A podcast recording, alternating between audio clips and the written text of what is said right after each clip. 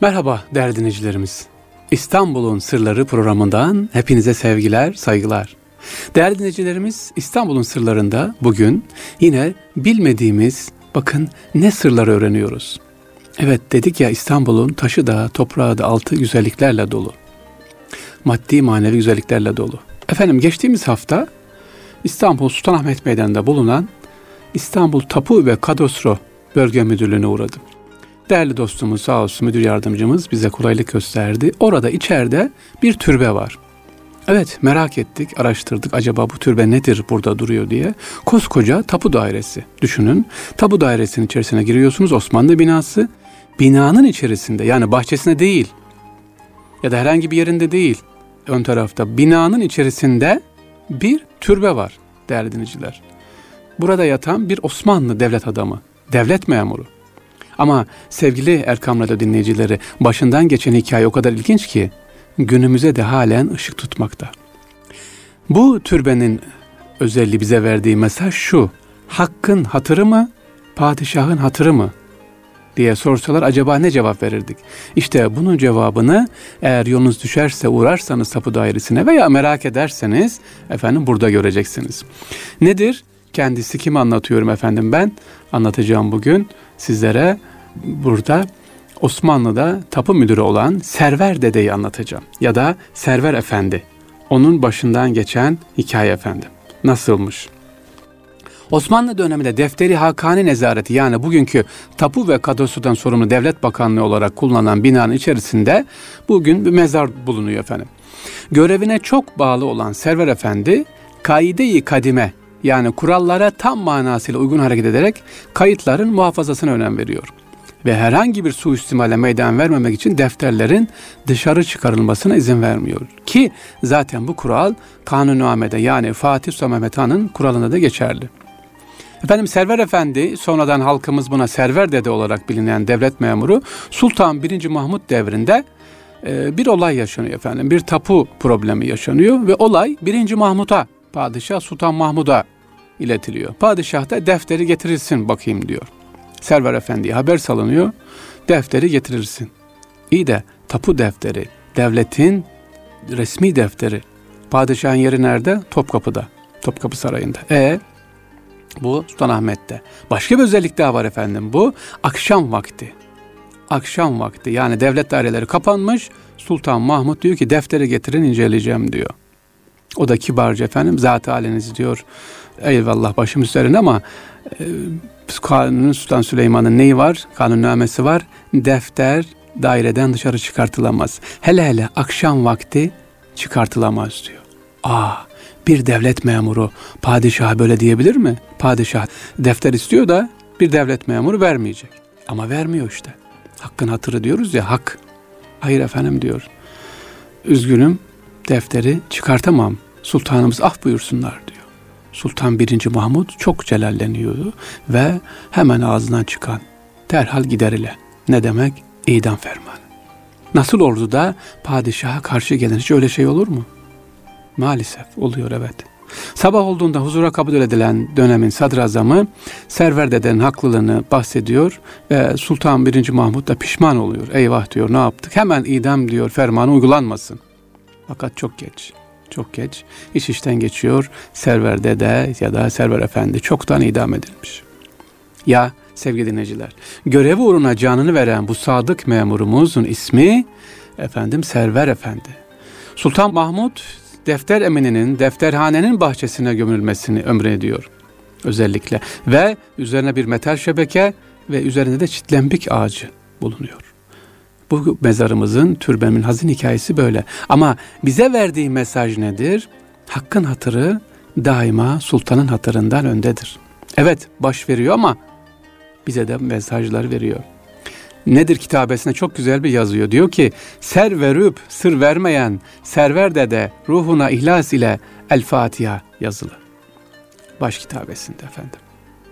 Bu türbenimizin bir başka özelliği var. Birinci Mahmut'tan sonra şöyle bir gelenek oluşuyor. Kim devlet dairesine başlayacak memur olarak atanırsa diyelim ki KPSS'yi kazandı, ataması geldi. Önce ne yapıyor? Yeni başlayan her meslek grubunu e, memur buraya geliyor. Server Efendi'yi, Server Dede'yi ziyaret ediyor. Fatih okuyor. Ondan sonra devlet dairesine başlıyor efendim. Nedir buradaki mesaj tekrar diyor ki niye ziyaret ediliyor? Rüşvet, iltimas gibi konularda ne kadar hassas davranılması gerektiğini ne yapıyor? Bizlere ifade ediyor efendim. Tekrar edelim. İstanbul'un sırlarındayız sevgili Erkam Radyo dinleyicileri. Server Dede'yi anlattık, Server Efendi'yi anlattık. Mezarı bugün İstanbul'daki Sultanahmet Meydanı'nda tapu dairesinin içerisinde bir devlet dairesinin içerisinde mezar var. Mezarın burada olması sebebi de nedir? Sultan 1. Mahmud'un yaptığı hatadan dolayı işte pişman olmuş ama diyor türbe yapın. Hakkın hatırı her zaman üstündür diyoruz sevgili dinleyiciler. Evet İstanbul'un sırları devam ediyor efendim.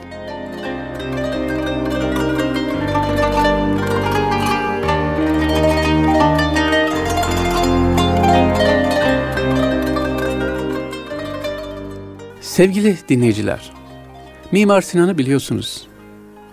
Binden fazla eser ne yapmış? Bizlere emanet etmiş, bırakmış. Köprü, çeşme, cami hatta Beşiktaş'ta bir tane iskelesi var. Hepsinde Mimar Sinan'ın imzası var. Allah rahmet etsin.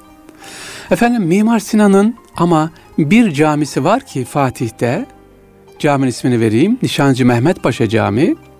Fatih Nişan Caddesi'ne cepheli ve 1594 yılında Mimar Sinan tarafından inşaatına başlanıyor.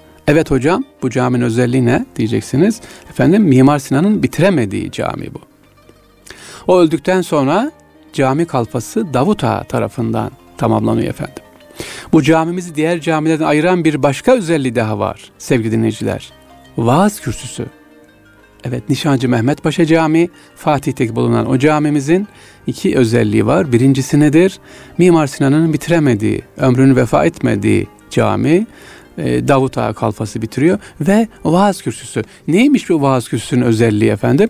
Vaaz kürsüsü somaki mermerden inşa ediliyor ama vaaza çıkarken bugün camilere dikkat ederseniz vaaz yapacak olan kişi kardeşimiz hoca efendi dışarıdan merdivenle çıkıyor ya da bir sandalyeyle çıkıyor, yüksekçe bir yere çıkıyor. Ama bu Nişanca Mehmet Paşa Camii'ndeki vaaz kürsüsü efendim içeriden dönerek merdivenden çıkılıyor. Kapısı var oradan giriyor çıkıyor ve rahat bir ortamda ne yapıyor? Vaaz yapılıyor. Evet Nişanca Mehmet Paşa Camii'ni anlatıyorum. İki özelliği var. Birincisi Mimar Sinan'ın bitiremediği cami, ikincisi de vaaz kürsüsü. Bitti mi? Bitmedi. Devam ediyoruz. Başka bir özelliği daha var. Cami yaptıran Nişancı Mehmet Paşa'nın farkı var efendim. Kimmiş Nişancı Mehmet Paşa? Üçüncü Murat. Padişah 3. Murat'ın kubbe vezirlerinden kendisi. Cedid nişancı, yeni nişancı ya da Boyalı Mehmet Paşa diye biliniyor. Halep kadısı iken kendisi 1543 yılında vefat eden Pir Ahmet Efendi'nin oğludur. Paşa 16. yüzyıl gelen aksine vezirlik makamına uygun görülen, tekrar ediyorum, vezirlik makamına uygun görülen Türk kökenli ender siyaset adamlarından biri. Yani bir vezir, sadrazam kimden atanıyordu? Devşirmelerden ya dışarıdan geliyor işte efendim saraydan Endor'dan yetişiyor ya da e, Balkanlardan devşirilen gençlerden e, yetiştirilerek vezir, sadrazam oluyor. Ama Nişancı Mehmet Paşa hayır, Türk kökenli olan devşirilmeyen bir paşamız. İşte bu cami yaptıran da Nişancı Mehmet Paşa Camii. Farklı bir mimar üsluba sahip efendim bu Nişancı Mehmet Paşa Camimiz Fatih'tedir. Hemen Yavuz Selim'in Atikelli'nin arkasında. Atikelli Camii'nin arkasında. Caminin mimarisine baktığımız zaman klasik Osmanlı üslubunun en güzel örneklerinden sekizgen şama değişik bir şekilde burada uygulanıyor. Merkezi mekan dört yönde açılarak klasik dörtgen kalıp genişletiyor. Ha bu camimizin başka bir özelliği daha var efendim. İlk onarım sırasında İstanbul'daki deprem Fatih Camii yıkımına sebep olurken bu camide fazla bir hasar yapmıyor. Bu camimiz öyle bir farklı ilginç cami. Ve camimizin diğer özelliği ise dördüncü özelliği ise Esma-i Hüsna. Allah Celle Celal'in isimleri caminin içerisini tamamen dolaşıyor efendim zemin kat pencerelerin alınlıklarında yazılı Esma Hüsna bütün camiyi dolanarak son cemaat yerinde son buluyor. Ya İznik Çinice'nin parlak bir devrinde yapılmasına ve aynı döneme ait başka yapılarda e, zengin çini süslemeler kullanılmasına rağmen burada hiç çini kullanılmıyor. Ya burada dikkat ederseniz camimiz içerisine girdiğiniz zaman sade, güzel, estetik, huzur dolu bir cami efendim. Süslü e, mihrabın köşelerinde mermerden birer kum saati de ne yapılıyor? E, yerleştiriliyor burada. Tekrar ederim demiştim e, Mimar Sinan'ın bitiremediği cami, e, Nişancı Mehmet Paşa Camii özellikle vaaz kürsüsü iki tanedir içerisinde ve içeriden merdivenle çıkılan bir kürsüdür.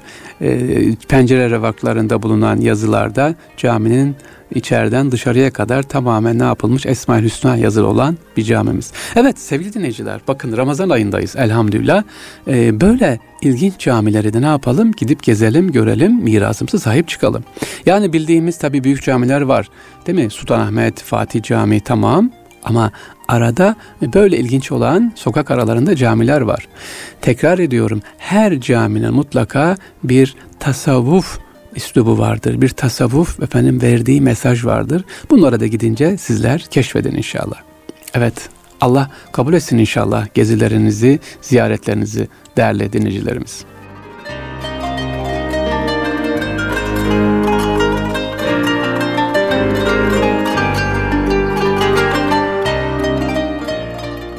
İstanbul'un sırlarındayız sevgili dinleyiciler. Devam ediyor seyahatimiz. Gülhane'ye gidelim diyoruz. Gülhane. Gülhane Parkı Topkapı Sarayı'nın arkasında bulunan bir park. Burası Gül Bahçesi değil mi? Gülhane öyle bilinir burası. Bizans döneminde de bir bahçedir burası. Ee, sarayın biraz Bizans İmparatorun sarayının arka bahçesi. Osmanlı döneminde ise haremdeki hanımların gezdiği, efendim padişahın gezdiği bir park burası. Fakat buranın Gülhane adını alması hakkında farklı bilgiler var. Farklı bize gelen bilgiler, rivayetler var. Ee, buradaki isim orada efendim e, saray için yapılan Gülbe Şeker için yapılan bir e, binadan dolayı Gülhane adı veriliyor. Yani saraya için gülbe şeker üretimin yapıldığı yermiş Gülhane. Oradan Gülhane ismi veriyor. E, diğer bir rivayet ise Topkapı Sarayı'nın itriyat damıtmaya mahsus yani gül damıtmaya, güzel kokular damıtmaya yakın imalathanesinin burada olmasından dolayı gül bahçesi, gülhane adı veriliyor. Yani gül suyu diyoruz ya gül kokusu, mis kokusu. Evet e, Topkapı Sarayı'nın arka bahçesinde bulunan bugünkü gülhanenin ismi demek ki ne yapıyormuş? Oradan geliyormuş efendim. Gülhane ismi. Burada Gülhane Meydanı özellikle güzelliği ve genişliği sebebiyle birçok küçük ve zarif köşklerle o zaman donatılmış efendim. Bunlardan Gülhane Kasrı, İsakiye Köşkü, İncili Köşk, Sultan Murat ve Sultan Mahmut köşkleri Abdülaziz devrine kadar yerinde durmaktayken Abdülaziz daha sonra burayı Arslanhane yaptırmıştır efendim. Ya Arslanhane. Bunu biliyor muydunuz? Gülhane'de Arslanhane, arslanların durduğu yermiş. Hani hatırlarlar e, benim yaşımda olanlar bilirler daha ilerisi olan Gülhane'de hayvanat bahçesi vardı mini. Ondan da önce efendim burası Arslanhane'ymiş Gülhane Parkımız.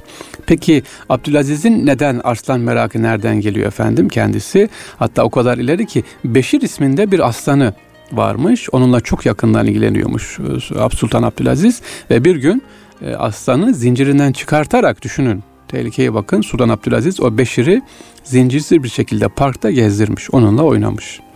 E, Gülhane Parkı'nda efendim. E, Abdülaziz döneminde. Evet Gülhane Parkı'nın bilmediğimiz başka yönü daha varmış efendim. Başka ne var? Latin harflerine geçtiğimiz yer Gülhane Park. Atatürk'ün efendim Gazi Mustafa Kemal Atatürk'ün orada yazdığı ilk Latin harflerini kullandığı gösterdiği yerde Gülhane Parkı'nda. Başka Gülhane Parkı'nın özelliği Tanzimat Fermanı'nın okunduğu yer değil mi? Tarih kitaplarında biliriz. Tanzimat Fermanı'nın okunduğu yer. Gülhane Hattı Umayun'un düzeltiyorum. Gülhane Hattı Umayun'un okunduğu yer yine Gülhane e, Parkı'dır.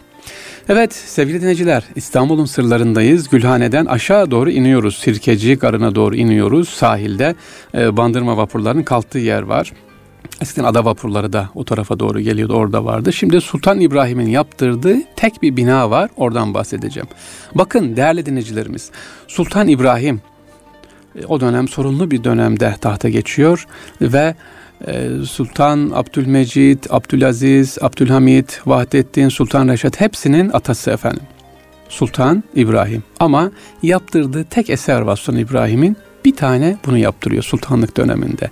Yani padişahlık döneminde. Sepetçiler kasrı duymuşsunuzdur belki. Sepetçiler kasrı.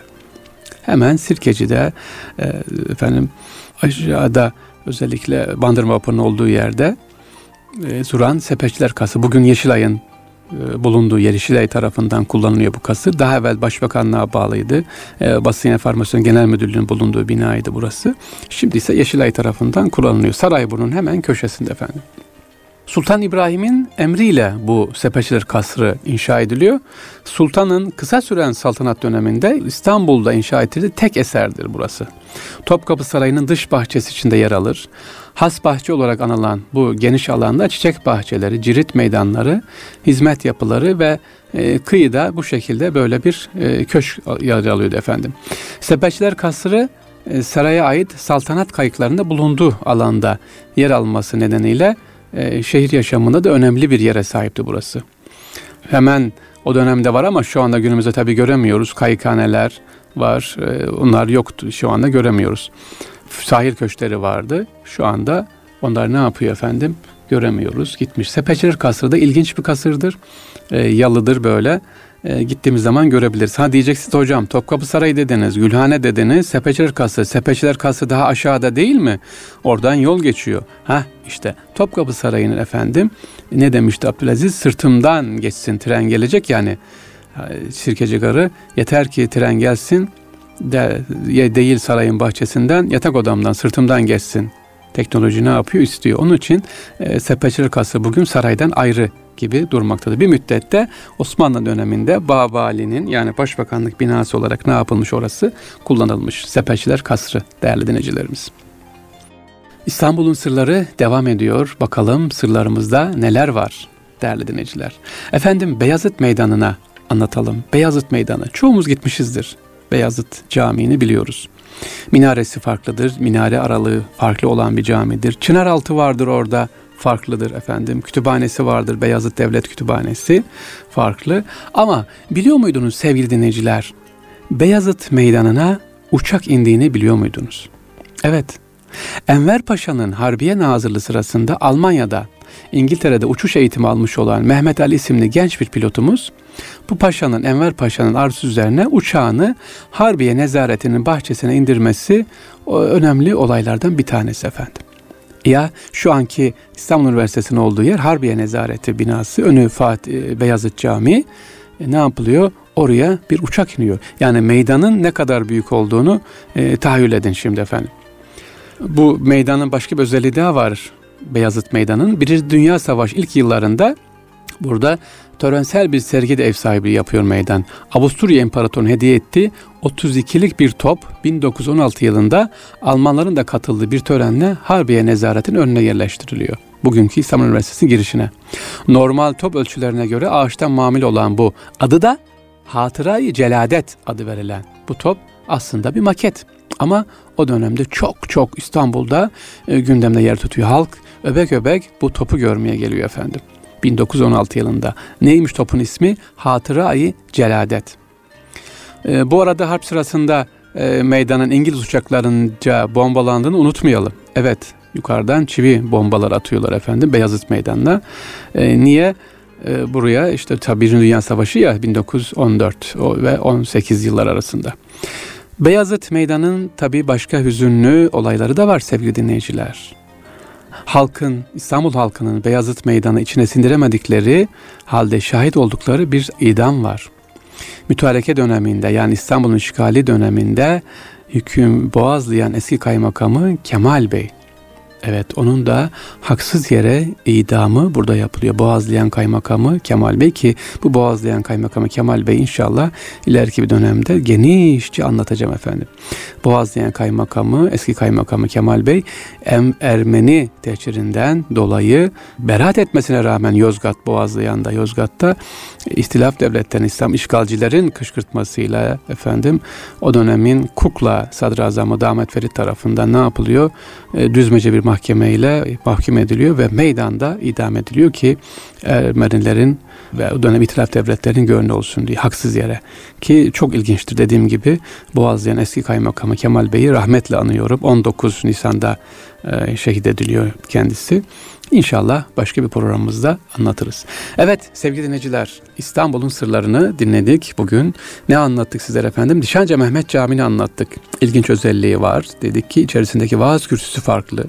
Esma-i Hüsna'nın tamamı içeride yer almaktadır. Duvarlarında üçüncü olarak başka Mimar Sinan'ın bitiremediği, kalfasını bitirdiği bir cami burası. Ve Nişancı Mehmet Paşa kim? Özelliği de Nişancı Mehmet Paşa'da devşirme olmayan nadir vezirlerden bir tanesi. Sonra neyi gördük? Sultanahmet Adliyesi'nde gördük efendim. Sultanahmet Adliyesi'nde e, içerisinde, Sultanahmet e, Tapu Dairesi'nin içerisinde bir türbe olduğunu gördük efendim.